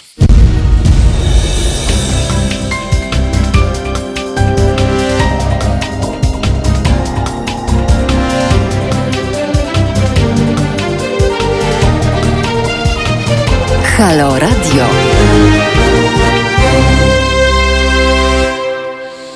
Już po godzinie 14, całe 5 minut. Y, Zostało nam jeszcze jakieś 35 minut naszej rozmowy, więc. y, aha, a naszym gościem y, wspaniałym jest profesor, filozof, etyk Paweł Łuków z Uniwersytetu Warszawskiego, dokładnie z Instytutu Filozofii Uniwersytetu Warszawskiego. Mm, Zachęcam Was jeszcze raz. Piszecie e, ciekawe rzeczy, ale zachęcam Was jeszcze raz do tego, żebyście też e, sięgnęli po telefony. E, Najpierw trzeba je zdezynfekować, ale później można sięgnąć e, i, i, i, zadzwonić. E, Bardzo będę, bardzo będę zadowolony, bo tak jak mówiłem Wam poprzednio, spodziewałem się, że dzisiejszy temat raczej Was sprowokuje do telefonowania, do dzwonienia, a tu jakaś taka zastanawiająca dla mnie cisza. Więc bardzo proszę. Oj, proszę, jest, jest. Trzy, cztery. Jest telefon. Jest telefon. Y, Dobrze, to y, piszcie, dzwońcie, słuchajcie, y, komentujcie i wspierajcie radio Halo Radio. A któż to do nas zadzwonił? Halo, halo. Witam, Waldek z tej strony. Cześć Waldku. Cześć Waldku. Pozdrawiam panów serdecznie. Dziękujemy. Tak ciekawa rozmowa i tak traf, trafnie zdiagnozowane nasze, nasze społeczeństwo przez panów, że chyba słuchacze obawiają się w ogóle dzwonić i żeby no, nie zakłócać tego, e, tego toku rozumowania. Pytanie było na początku, czy, czy brać udział, czy nie brać udział, czy to moralne, niemoralne. Ja na początku e, też skłaniałem się, że to nie można dać tym udział, że, że to, że to e, nie można e, tego legitymizować, jak to zostało powiedziane.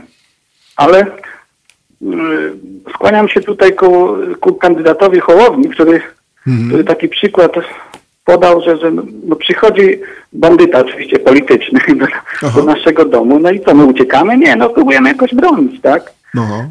Jakoś próbujemy bronić tego naszego, e, tego na, naszego najbliższego Dobytku. tak, dobytku i otoczenia, więc jestem zdania, że ja, w jakiej formie by nie były, trzeba po prostu się zmobilizować i iść, tak? I tu mi się podobało też u niego, że on powiedział, jeżeli to dobrze no, zrozumiałem, że, że on po prostu y, po wygraniu ewentualnym złoży urząd, jak sytuacja już będzie normalna, to ogłosi normalne wybory, żeby normalnie wszyscy mogli brać udział. I to jest no, uczciwe postawienie sprawy, według mnie. Mhm.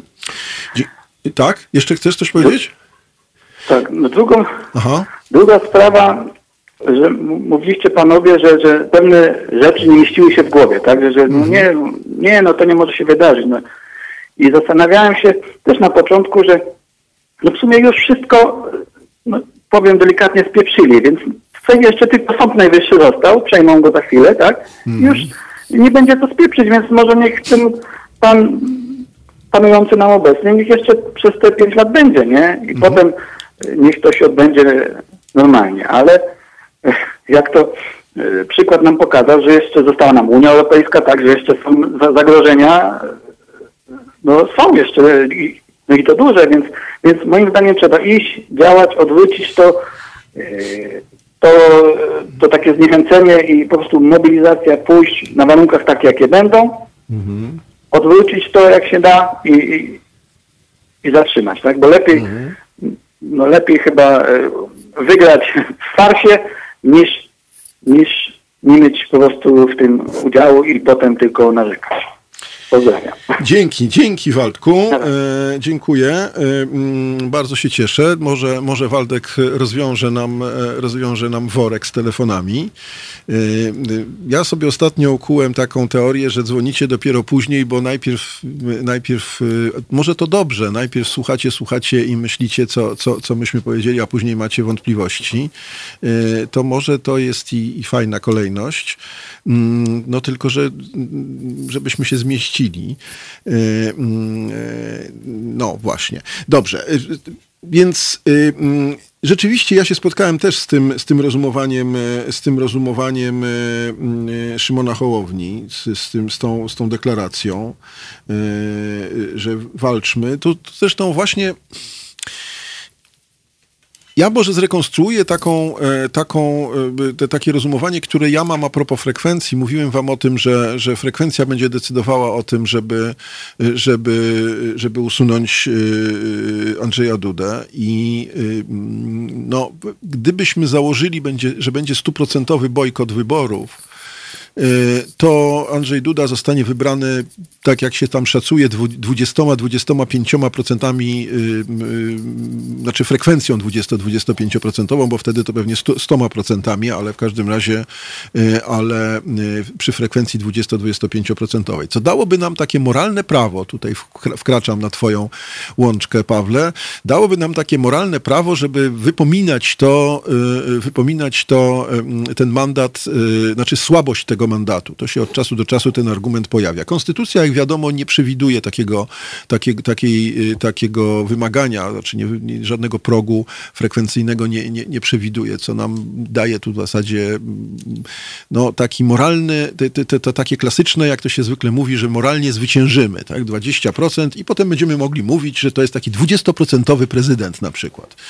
Ja sobie pomyślałem, że jak do tej pory starałem się być takim propaństwowcem, to znaczy mówić dobrze, zęby mnie bolą, ale, e, ale Andrzej Duda został uczciwie wybrany w 2015 bodajże roku i, e, i w związku z tym e, i w związku z tym trudno jest to mój prezydent, bo został wybrany i taka, taka propaństwowa, propaństwowe myślenie o tym mówi. Teraz mam takie poczucie, czy tak sobie pomyślałem, że na następną kadencję ja już będę mógł uczciwie, że tak powiem, i, i zgodnie ze swoim przekonaniem powiedzieć, że to już nie jest mój prezydent. No ale dobrze, no to się tak rozgrywa w takiej, y, znowu w takiej sferze, mm, no tak jak mówiłeś, Pawle, czystości, takiego pewnego, takiej pewnej arystokracji e, mm, moralnej, czy jakby to jeszcze powiedzieć, y, wyższości, z- czy, y, no, różne tu argumenty, czy różne tu określenia można by było wobec takiej postawy e, rekonstruować, tak, czy używać różnych pojęć.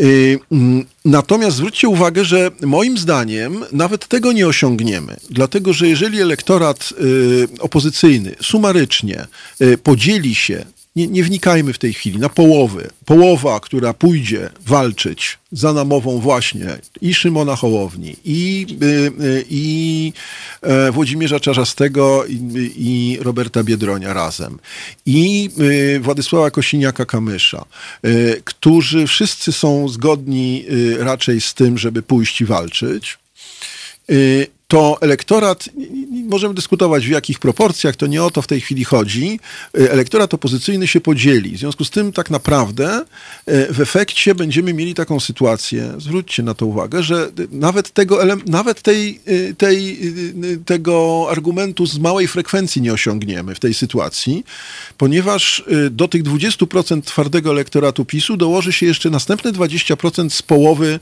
elektoratu opozycyjnego. I tak naprawdę będziemy mieli frekwencję, przypuszczam, na poziomie 35-40%.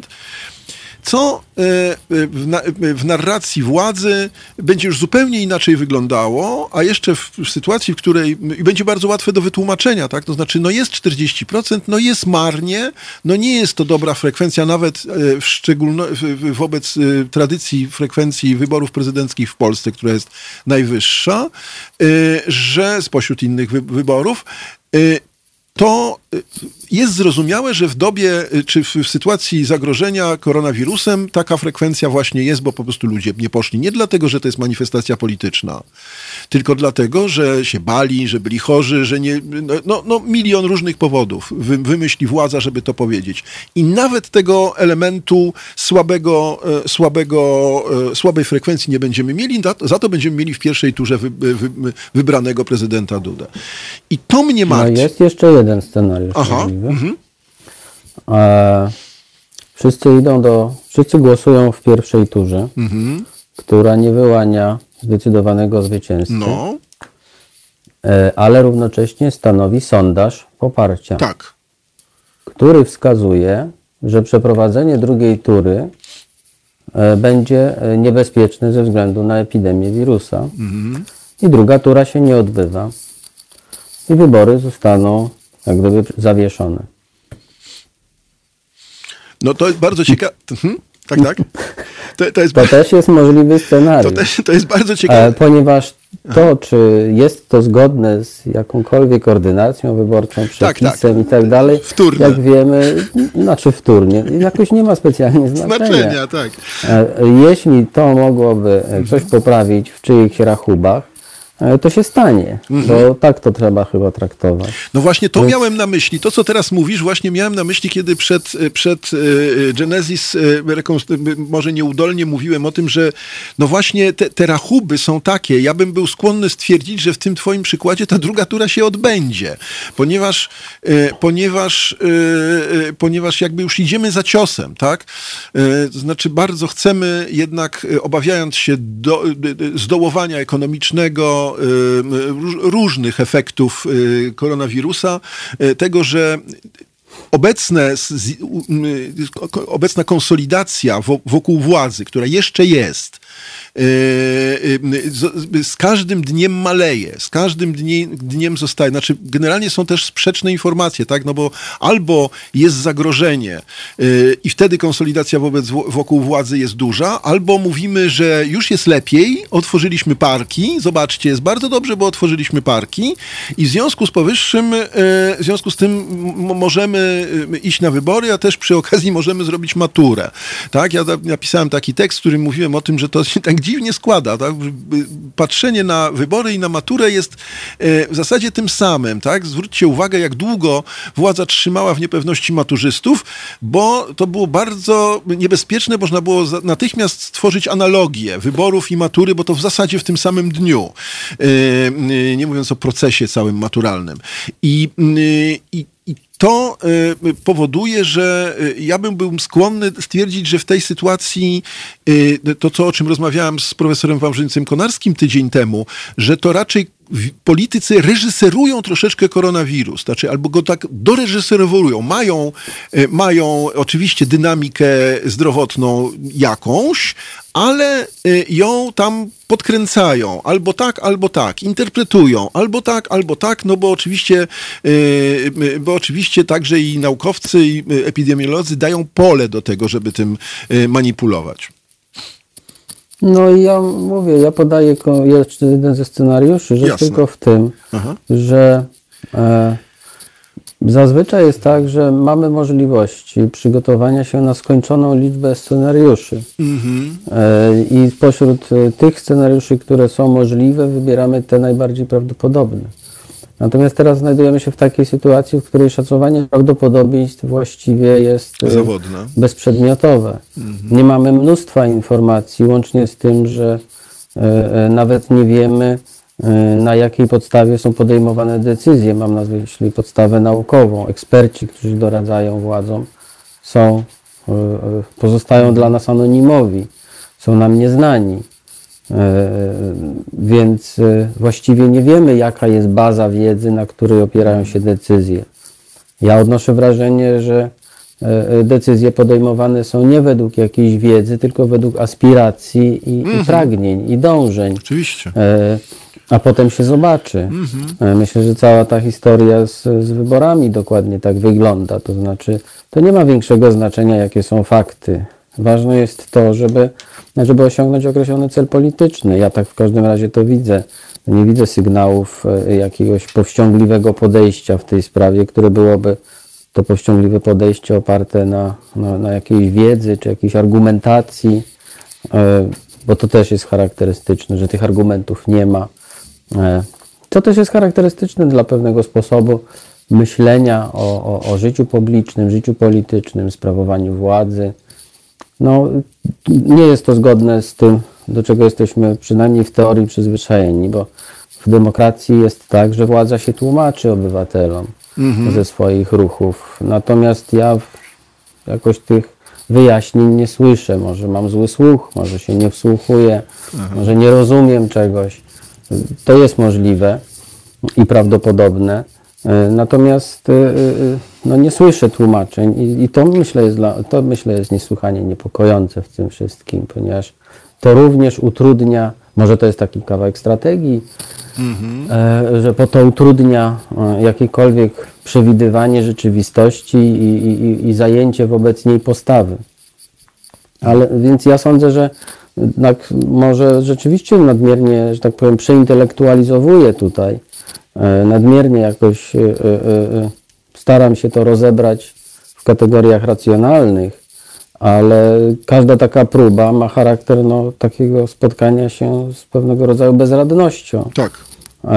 Ponieważ albo nam brakuje informacji kluczowych, albo w innych miejscach mamy ich zbyt wiele, informacji, które się ze sobą nie składają w jedną całość. Mhm. Więc, więc sądzę, że że, że chyba y, każdy z nas będzie miał problem, to znaczy z decyzją, co zrobić w sprawie, w sprawie wyborów.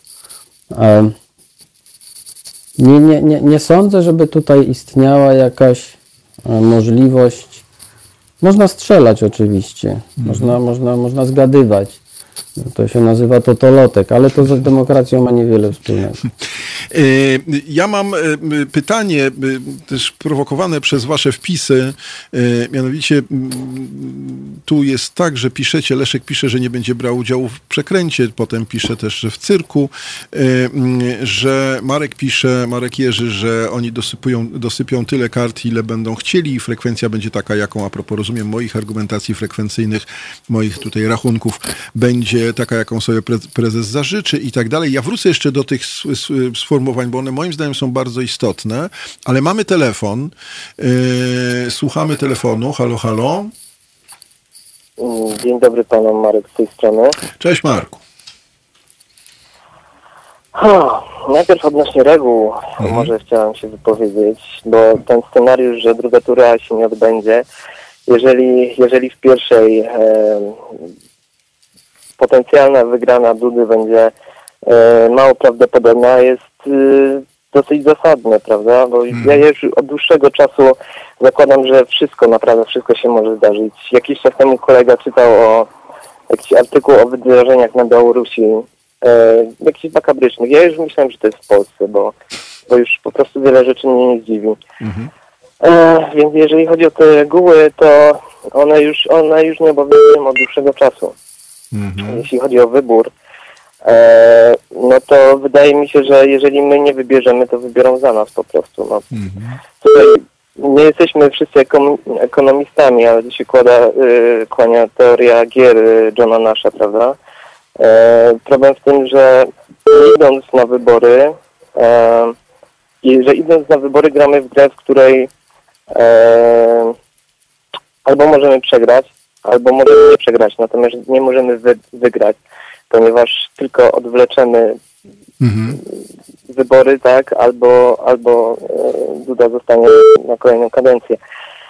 E, i, I obawiam się tego, że, że wtedy wygrana obecnego prezydenta mogłaby być łatwo obtrąbiona przez, e, przez media jako media oczywiście mm, partyjne TVP, y, jako sukces, jako zwycięstwo i potwierdzenie tego, y, że, że, że kraj idzie w dobrym kierunku. To jest tak jak y, pan doktor mawiał często o debatach przedwyborczych, kiedy e, możemy zadać pytanie, mhm. E, kandydat się odwołuje, ale my nie możemy odpowiedzieć na, tak. na te odwołanie -hmm. się, powiedzieć -hmm. tak, ale. I tutaj obawiam się, że mogłoby być podobnie, jeżeli jeżeli nawet e, ten, te wyniki, niska frekwencja albo, albo prześlizgnięcie się e, tylko zwycięstwa e, Andrzeja Dudy e, miałoby miejsce, to, to my kolejne wybory są za są bardzo odległe i, i nie będziemy mieli długo czasu na tą tak jakby odpowiedź, że, że tak wygraliście, ale Mhm. No tak. i, i ja, ja, się, ja się boję tego, mm, że jeżeli, że jeżeli e, my tak jakby jako społeczeństwo, jako obywatele nie mamy za bardzo jak się zgadać wszyscy, e, tak jakby umówić się, czy, czy pójdziemy na te wybory, czy nie, bo, bo to by Tak. była inna sytuacja. I, I obawiam się, że jeżeli znaczna część nie pójdzie, to znaczy nie pójdzie, nie, nie zagłosuje korespondencyjnie prawdopodobnie, Tak, bo tak, tak, tak. ja już sam nie wiem, jak, jak się mają te wybory odbyć. Mhm. Je- Jestem w stanie uwierzyć, że zmieni się to z dnia na dzień. E, Natomiast no to może okazać się, że, że, że wstopimy i, i to zwycięstwo prezydenta będzie jeszcze bardziej e, rażące. I, No i tak, o myślę, to właśnie że, chciałem że w tym powiedzieć. tak. Momencie, że w tym momencie nie mamy innego wyboru, jak jednak zagłosować e, zgodnie z naszym sumieniem i liczyć na to, że nasza, nasza frekwencja przez ewentualne próby sabotażowania, tak, e, sfałszowania e, wyborów e, zostanie mm, mm, że tak jakby zahamowana tym, że, że frekwencja będzie zbyt duża, żeby próbować e, po prostu aż tak e, manipulować e, wynikami wyborów. I chyba to wszystko, co chciałem powiedzieć. Dziękuję bardzo. Dzięki Marku. E, Dzięki Marku. E, No, jak mówię, mm, trochę Marek powtórzył mo, mo, moje argumenty, ale to się cieszę, ale, mm, ale mm, ja mam taką wątpliwość, nie wiem co ty Pawle na ten temat sądzisz, mianowicie te głosy, które tu ja czytam i które zresztą nie, nie tylko tu się po, pojawiają właśnie, typu, że to powtórka z 47 roku, że nie będziemy brali udziału w, prekwe, w przekręcie, że y, y, do, do, y, dosypywanie kart y, będzie bardzo proste i frekwencja będzie taka, jak prezes założy. Tak, tak, co się niekiedy o Rosji mówi w, tej, w, ty, w tych kontekstach, y, że nie będę brał udziału w cyrku i tak dalej, i tak dalej. Ja je bardzo dobrze rozumiem, ale czy to też nie jest trochę tak, y, że, mm, y, że to jest y, mm, sukces pewnej propagandy, tak? To znaczy, że będzie, nie będzie trzeba wcale fałszować tych wyborów, o tak bym powiedział może. Że nie, nie, nie będzie żadnego problemu, bo my już sami się ocenzurowaliśmy, sami, się, sami zrezygnowaliśmy w, te, w, tej, w tej sytuacji, y, wychodząc z założenia, że to na pewno będzie niedobre, to ja tego nie spróbuję. To jest, y, to jest, y, to, na pewno będzie, na pewno będzie nieuczciwe, to ja nie spróbuję. Czy to nie jest, czy to nie jest trochę y, samosprawdzająca się przepowiednia w tym momencie? Znaczy prawdopodobnie tak i ja myślę, że to jest, e, to należy policzyć jako sukces Mhm. e, organizatorów wyborów. Tak.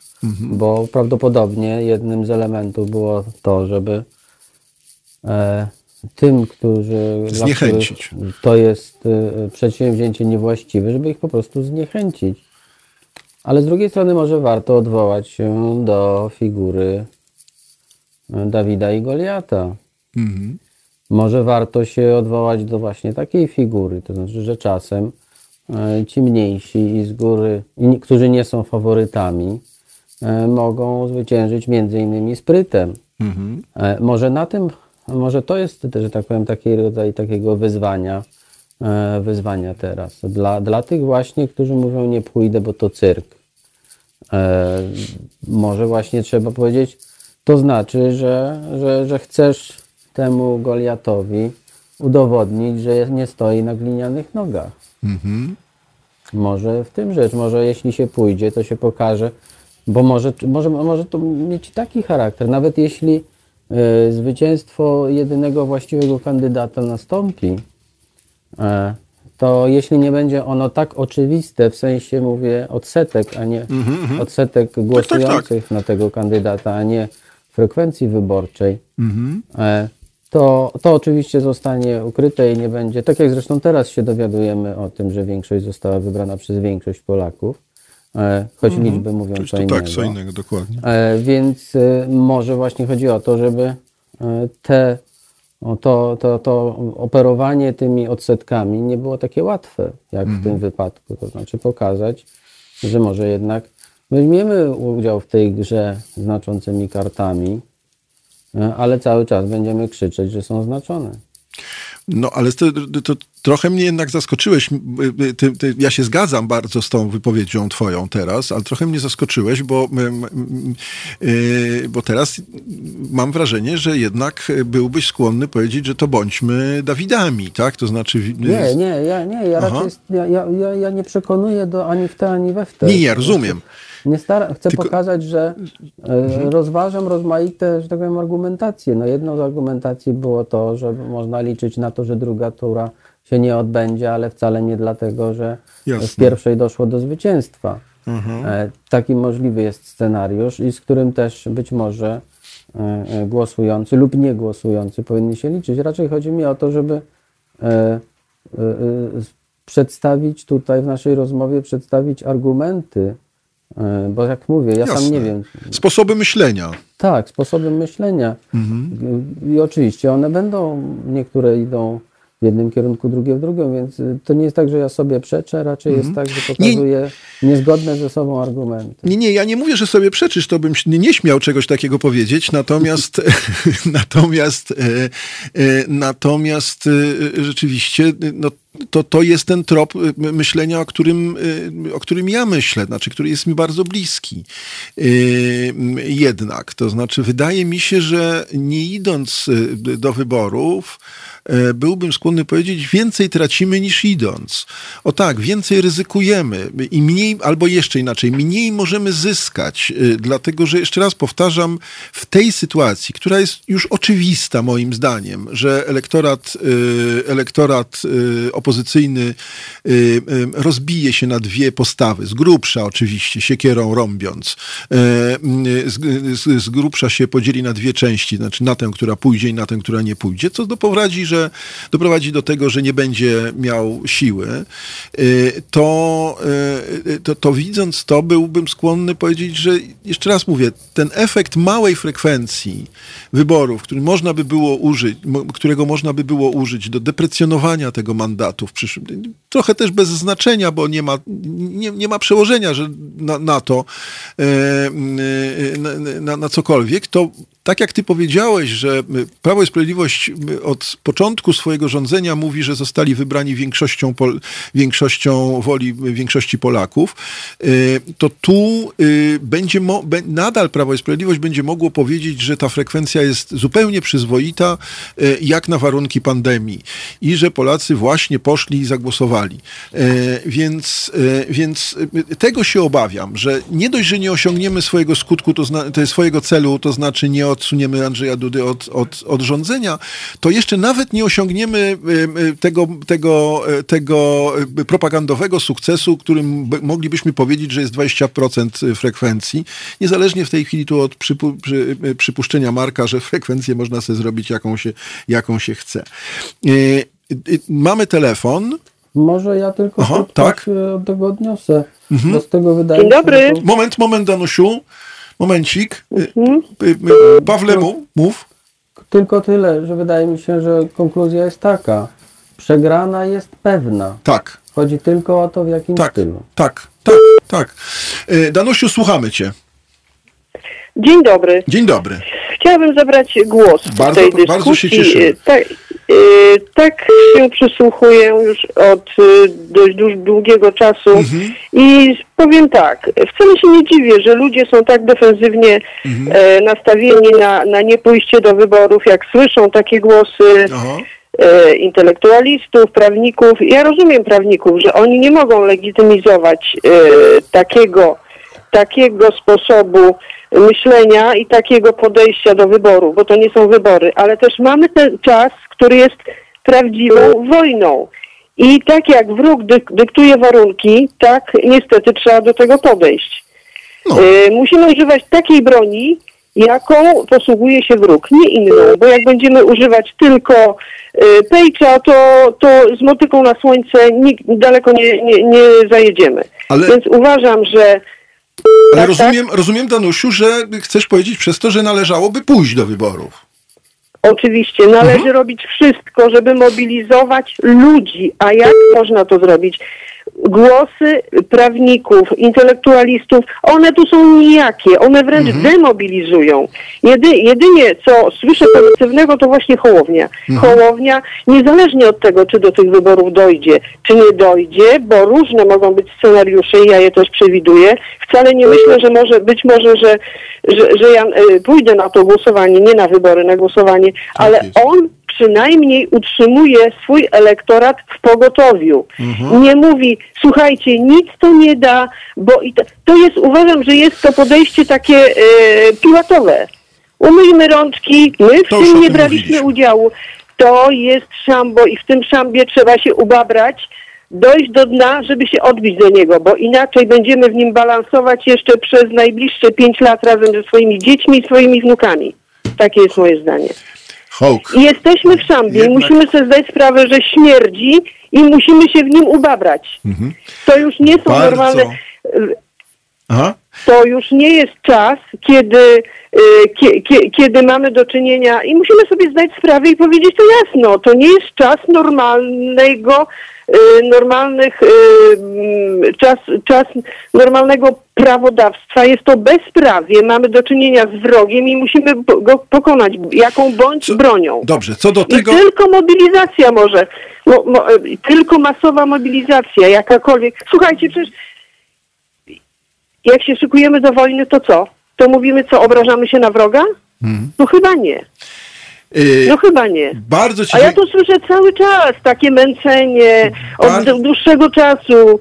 Takie męczenie, a po co? A przecież to, to, to, to, to śmierdzi, to nie będziemy legitymizować. Oczywiście, że ja też nie chcę legi- Jedynie czego, czego się obawiam, to y, y, rzeczywiście y, podanie, ujawnienie swoich, y, y, swoich danych, Danych osobowych Mhm. i w ogóle wszyscy powinniśmy się tego obawiać. Jasne. Natomiast popatrzmy, jak, jak, jak się mobilizują y, włodarze miast. Mhm. Czy to nie, nie powinno być y, dla nas jakimś y, impulsem? Danusiu, y, bardzo Ci dziękuję. Przepraszam, że jestem teraz trochę brutalny, Mhm. ale zostało, mi, zostało nam 10 minut do końca programu. Ja, się, ja, Rozumiem, ci bardzo, rozumiem. ja Ci bardzo dziękuję za ten głos, y, y, bo, bo, Mhm. bo też on, no, może nie w, tej, nie w tej formie, ale bardzo dobrze, że tak powiedziałaś. Natomiast, natomiast ja, ja podobnie... Powiedziałam to, co Ja czuję. podob... co, co, Nie, co, co słusznie, myślę. bo oczywiście. Ja, po, ja podobnie myślę, tak? Znaczy też mi się wydaje, że, że, że co do tego, że jesteśmy wobec szamba, to my się zgadzamy wszyscy. Natomiast pytanie, czy Mhm. właśnie, czy zatkać nos i odejść, czy, yy, czy wejść do tego No. szamba i spróbować te, te, to szambo oczyścić, jeśli można tak powiedzieć. No tak najłatwiej. Zatkać nos, odwrócić się i powiedzieć mnie to nie dotyczy, bo śmierdzi. Dobra, dziękuję Ci Danusiu, dajmy, No. dajmy, bardzo dziękuję, dajmy Mhm, jeszcze dziękuję. Pawłowi, żeby się ustosunkował do tego, co Danusia powiedziała. No ja myślę, że to jest bardzo silny, Tak. moc, no, mocny głos. Tak, w tym sensie, tak. że przede wszystkim e, jest taki, że tak powiem, e, e, bardzo realistyczny w tym sensie, Mhm. że e, nie ma się co obrażać na rzeczywistość. Jest jeszcze Powiem, taki... powiem szczerze, imponuje mi taki hard ducha. Tak, tak, tak, to prawda. To prawda, ale ja się tutaj y, y, podpisuję pod Danusią. Taka była moja intencja tego, ty, ty, tych moich rozumowań, może nie tak y, wyraźna i tak energetyczna, ale, ale w każdym razie bardzo mi się to podobało.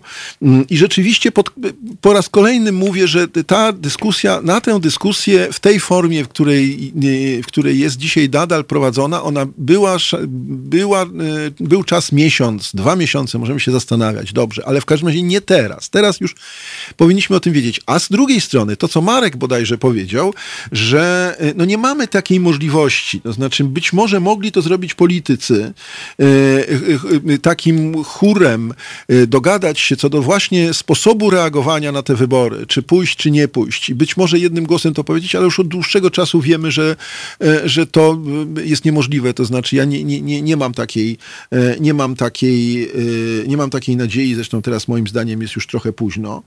E, Więc tak to wygląda. Jest jeszcze, jeden, e, jeszcze jedno rozumowanie, takie rozumowanie, które się pojawia przy różnych, e, w, w takich momentach i on, ono chyba ostatnio je wyraził Maciek Sztur, ale ja też miałem takie poczucie jeszcze poprzednio, kiedy, mm, kiedy po prostu były wybory w 2015 roku, że a dajmy im władzę a dajmy im władzę, niech dokończą i nie, niech nie będzie potem takiej sytuacji, że powiedzą, że oto nie mieli y, prezydenta, to, to nie ich wina, tak? Y, To znaczy,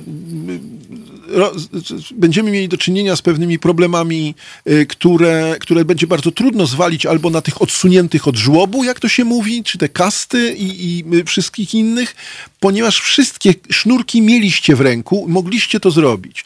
I w związku z tym z kolei jest taki, taki sposób myślenia. A pokażcie, co ty o tym myślisz, takim sposobie myślenia? Znaczy, mam wrażenie, że to jest dobra strategia, jak się ma wystarczająco dużo czasu. No, o, o, o, tak. To znaczy, I nie tyle do e, stracenia. E, I, i, i, I ma się albo się nic do stracenia, albo ma się takie, Mhm. takie poczucie pewności tego, co się ma, że, że się wie, że się nie straci. E, No to jest, to jest sposób walki, tylko on jest ogromnie kosztowny. A pamiętajmy, że to nie jest tak, że w wyborach zapadają decyzje, które dotyczą tylko tych, którzy głosują. One dotyczą Tak też No mnóstwa innych ludzi i ludzi w przyszłości. Więc e, gdybyś, mówiąc inaczej, e, koszty tego rodzaju strategii e, nie, nie, nie, nie będą poniesione przez tych, którzy będą grać. To nie oni. Tak, ponieważ jest- grają nie za swoje, mówiąc krótko. Przeci- może to właśnie tak trzeba nazwać. Wyborcy grają swoimi pieniędzmi, a wybierani nie swoimi. Mhm. Tak, to jest bardzo ważny argument. Ja zwykle mówiłem y, y, troszeczkę innymi słowami, odpowiadałem na taki argument, to znaczy mówiłem, że Polski nie stać na taki eksperyment. Y, Że y, dobrze, być może jest Ale to, to, to, to, to nikogo nie stać, Mhm, bo, bo, bo, bo my i nasze dzieci, nasze wnuki mają tylko jedno życie. Nikogo na to nie stać. No właśnie, właśnie, właśnie. Znaczy, oczywiście, że nikogo nie stać, ale w każdym razie to dla, jakby moja perspektywa dla mnie była najistotniejsza, więc dlatego może tę Polskę tutaj wrzuciłem. E, No właśnie, więc y, y, no nie wiem co, co, bo już mamy trzy minutki do końca, w związku z tym powiedzmy tak, trochę będę się wstydził teraz przed Danusią tego, co powiem, ale no a może was zdenerwuje w ten sposób, dlatego że y, tu jest jeszcze taka kategoria, która, o której ja mówiłem na początku. To znaczy, niektórzy zadają pytanie, y, niektórzy zadają pytanie, a jest, jakie jest paliwo, jakie jest, jaka jest motywacja y, do tego, żeby właśnie być tym Dawidem z przypowieści biblijnej, o której, o którym, o której przypomniał Paweł. Mianowicie, mianowicie ja powiedziałem gniew wkurzenie, żeby nie powiedzieć inaczej, bo mamy niedzielę i godziny południowe. E, Totalne wkurzenie, takie, że jestem tak traktowany. E, e, Że nie zgadzam się na to traktowanie, już niezależnie od wszystkiego, e, tylko nie, nie zgadzam się na to traktowanie i, i temu daję, daję wyraz. Ja myślę, że w, w ogóle w społeczeństwie rośnie taki poziom niezgody na takie traktowanie.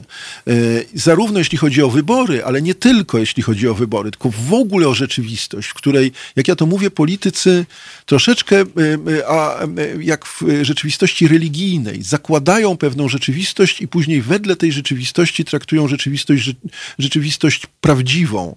E, mm, To nie mam czasu, żeby to rozwijać, ale w każdym razie e, e, podporządkowują myśleniu politycznemu rzeczywistość faktyczną. I ta niezgoda, ten gniew mógłby być tutaj motorem.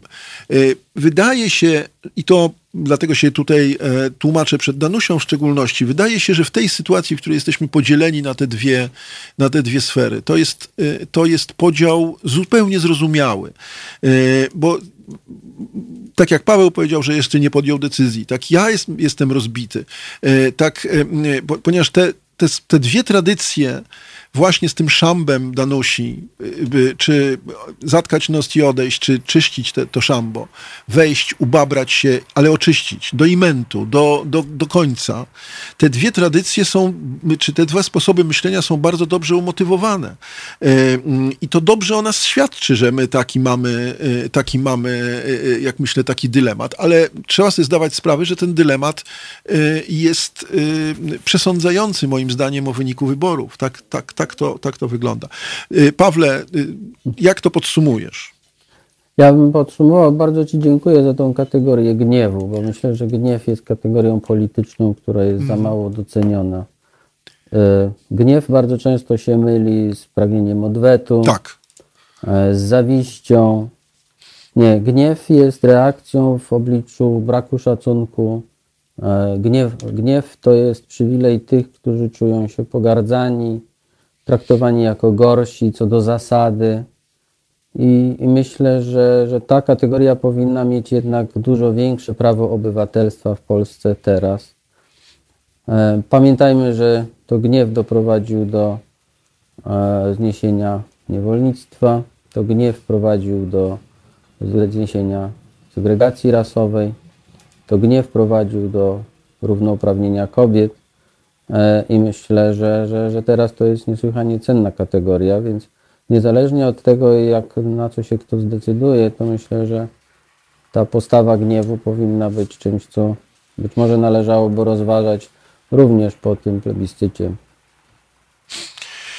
Dziękuję Ci, Pawle, bardzo za rozmowę. To jak zwykle przyjemność y, wielka. Y, y, no cóż, zobaczymy, jak to dalej będzie. Zostawiamy Was z tymi, z tymi dylematami. Nie wiem. No i do usłyszenia w takim razie. W środę się spotykamy.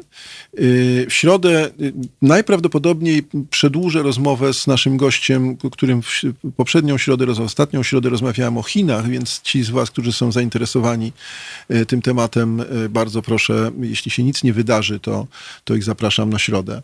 Pawle, jeszcze raz Ci bardzo dziękuję. Ja dziękuję za zaproszenie. Dziękuję Wam wszystkim, tym, którzy pisaliście i, i dzwoniliście. Przypominam oczywiście, że naszą audycję możecie odsłuchać w formie podcastu i na naszej stronie, możecie słuchać w Spotify'u, możecie, możecie na różnych płaszczyznach. No i możecie, że tak się znowu brutalnie do was odniosę, e, możecie dopóty, dopóki, e, dopóki radio funkcjonuje. E, kłaniam się, miłej niedzieli do końca życzę, a na koniec R.E.M.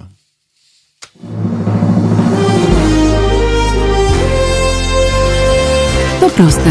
Żeby robić medium prawdziwie obywatelskie, potrzebujemy Państwa stałego wsparcia finansowego. Szczegóły na naszej stronie www.halo.radio, w mobilnej aplikacji na Androida i iOS-a oraz na koncie Fundacji Obywatelskiej w serwisie www.patronite.pl. Naszym darczyniom i darczyńcom serdecznie dziękujemy. www.halo.radio. Słuchaj na żywo, a potem z podcastów.